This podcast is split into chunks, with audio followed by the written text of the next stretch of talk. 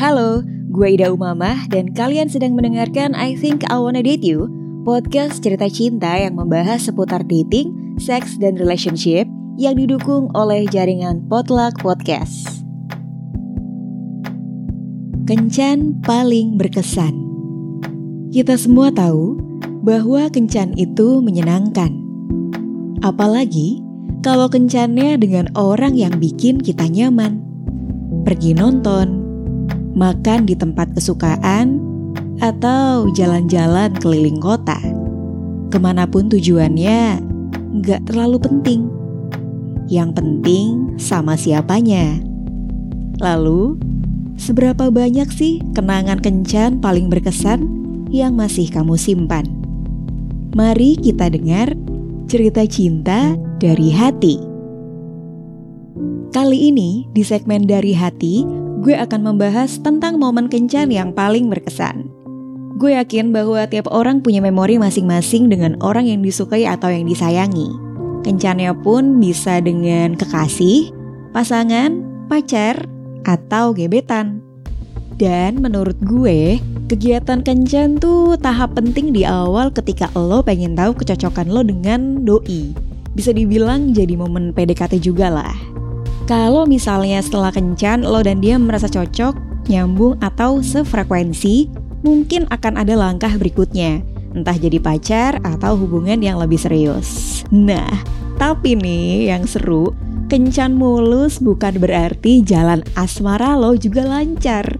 Banyak kok yang kencannya menyenangkan, asyik gitu, gemes-gemes, tapi ya berakhir begitu aja, nggak jadi apa-apa.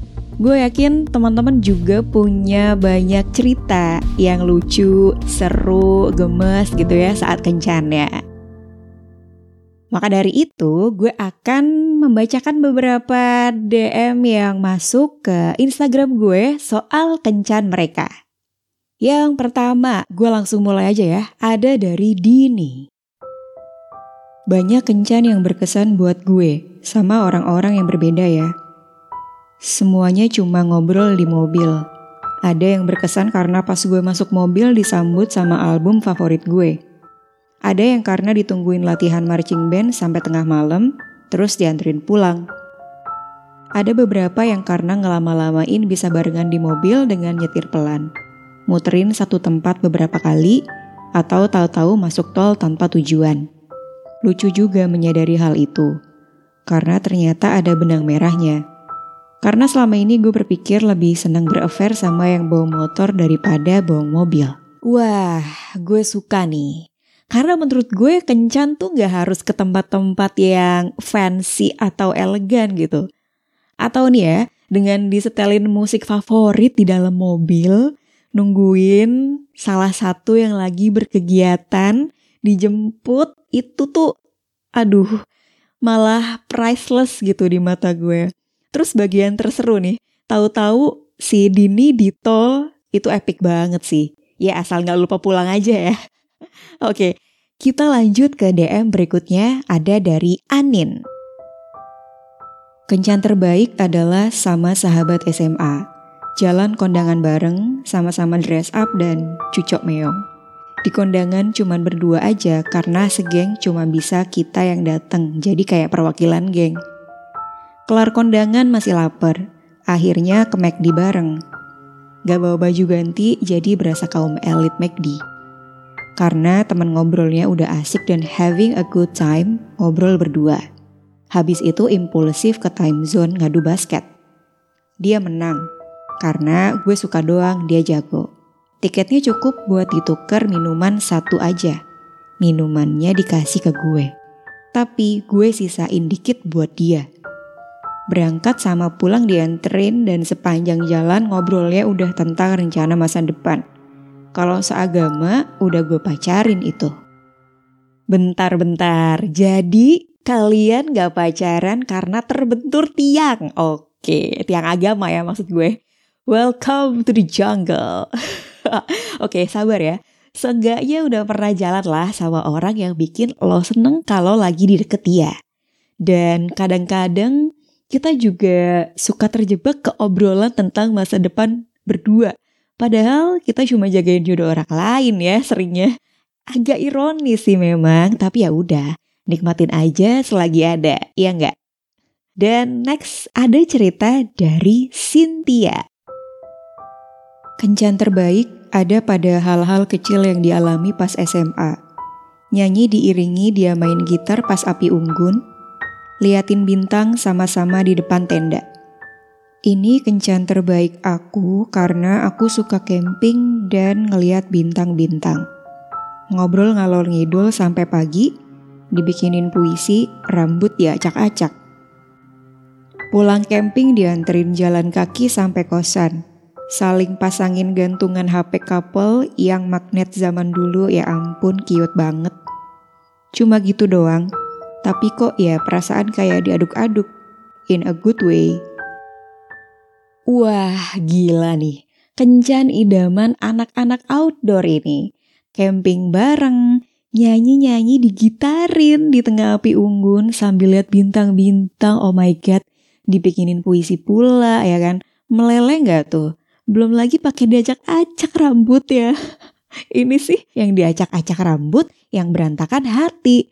Pertanyaannya, setelah peristiwa manis dan romantis itu, pulang dari camping dilanjutin gak tuh? Kentang juga kalau cuma dijadiin temen ya kan?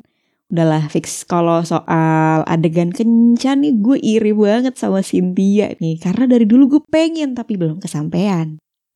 Oke, terakhir, oh belum. Ada yang keempat nih, keempat ada dari Dinda. Ngedate pertama yang paling berkesan dan jadi pacar yang paling berkesan buat gue justru waktu pacaran beda agama. Waktu kencan pertama, kami janjian nonton. Gue udah sampai bioskop dan dia telat. Jadi gue beli tiket duluan. Nah, tiba-tiba dia telepon katanya udah sampai. Gue cari-cari gak ada. Ternyata dia salah bioskop. Dia ada di bioskop di mall seberang. Kencan berikut-berikutnya pas naik motor gue gak mau pegangan peluk dia gitu. Tapi tangan gue ditarik disuruh peluk perutnya. Sejauh ini dia pacar terindah sih. Dia sering banget ngelakuin hal-hal kecil yang sweet. Pernah suatu kali kami di parkiran, gue kebelet pipis. Pas gue nengok, dia udah gak ada. Ternyata dia lagi nanya satpam lokasi toilet di mana. Atau tiba-tiba jam makan siang ke kantor gue bawain makanan buat makan siang bareng. Terus dia balik lagi ke kantornya. Tiap jalan sama dia, dia pakein gue helm, kancingin jaket gue. Aduh, ini udah gak pernah gue lupain sih. Nah, kan muncul lagi nih, kencan sama orang yang beda agama. Gue rasa perlu ada bahasan khusus kali ya, atau episode spesial beda agama gue yakin gak sedikit orang yang punya problem soal perbedaan ini. Dan tadi Dinda bilang sempet salah mall. Yang satu di mall mana, yang satu di mall seberang.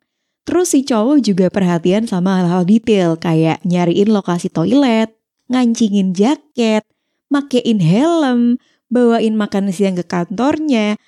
By the way, ini lagi kencan sama gebetan apa sama asisten pribadi nih? Karena apa ya lovable dan perhatian banget gitu. Oke, semoga Dinda dan gebetannya ini masih baik-baik aja ya hubungannya. Baiklah, ini yang terakhir ada cerita kencan dari Tika. Kencan terbaik gue mungkin sama pasangan gue yang sekarang. Ketemu di Tinder, gak expect sesuatu yang gimana banget. Paling juga cuma nyaman aja ini First date di mall, ngobrol A sampai Z sampai mallnya tutup. Apa yang kami obrolin felt so perfectly right aja gitu. Gak perlu usaha lebih buat nyocokin obrolan seru. Lalu kami sepakat ketemu lagi di kencan kedua, di kondangan temennya. Karena lokasi kondangan dekat dari rumah gue, dia mau antar pulang. Gue sempat ragu, soalnya ini baru kencan kedua. Gue gak yakin dia bisa ketemu nyokap bokap gue waktu itu. Gak taunya mereka mingle dengan mulus. And here we are, nyari setahun kemudian lagi menikmati pusing dan ributnya mempersiapkan pernikahan di masa pandemi. Padahal dulu gak kebayang sama sekali kalau dia ini bakal jadi the one. Yang kencan kedua langsung aja ke kondangan. Nah, gue cukup setuju nih dengan Tika. Dan mungkin bisa jadi tolok ukur kali ya. Kalau kita pengen tahu seseorang ini worth untuk diperjuangkan atau enggak. Meskipun, meskipun memang cara dan proses tiap orang pasti beda. Tapi seenggaknya kita bisa tahu lah salah satu tandanya tuh ini gitu. Effortless kalau ngobrol, lo nggak perlu jadi orang lain, nyaman jadi diri sendiri, dan nggak butuh mengada-ada alasan biar doi tertambat sama kita gitu. Well, semoga persiapan nikahan kalian lancar ya, amin. Baiklah, 5 cerita kencan terindah dan paling berkesan udah gue bacakan semuanya. Dan tibalah saatnya gue pamit. Kalau lo masih pengen senyum-senyum sendiri dan membayangkan adegan-adegan kencan yang manis, lucu, dan romantis, lo bisa ke Instagram gue di Ida Umama. Di highlight gue banyak banget cerita soal perkencanan. Dan satu lagi nih ya, buat kamu yang terpisah dari kekasih, LDR, baik yang LDR-nya emang udah lama atau karena pandemi jadi terpaksa LDR, lalu akhirnya belum bisa kencan langsung, cuma bisa kencan virtual, sabar ya. Gue yakin ini adalah salah satu masa dan fase yang cukup penting dalam perjalanan asmara kalian. Termasuk gue juga sih. Semoga kita semua bisa bertahan dan tetap waras di masa pandemi ini. Oke, buat kamu yang mau kirim cerita atau pertanyaan seputar dating, seks, dan relationship, bisa ke email podcastdating.id at gmail.com atau DM ke Instagram at wannadateyu underscore podcast atau ke Twitter at wannadateyu. Follow dan subscribe Potluck Podcast di YouTube, SoundCloud juga Instagram untuk info soal episode terbaru dari jaringan Potluck. Terima kasih buat kamu yang udah menyimak episode ini. Selamat beraktivitas. Sampai jumpa di episode berikutnya.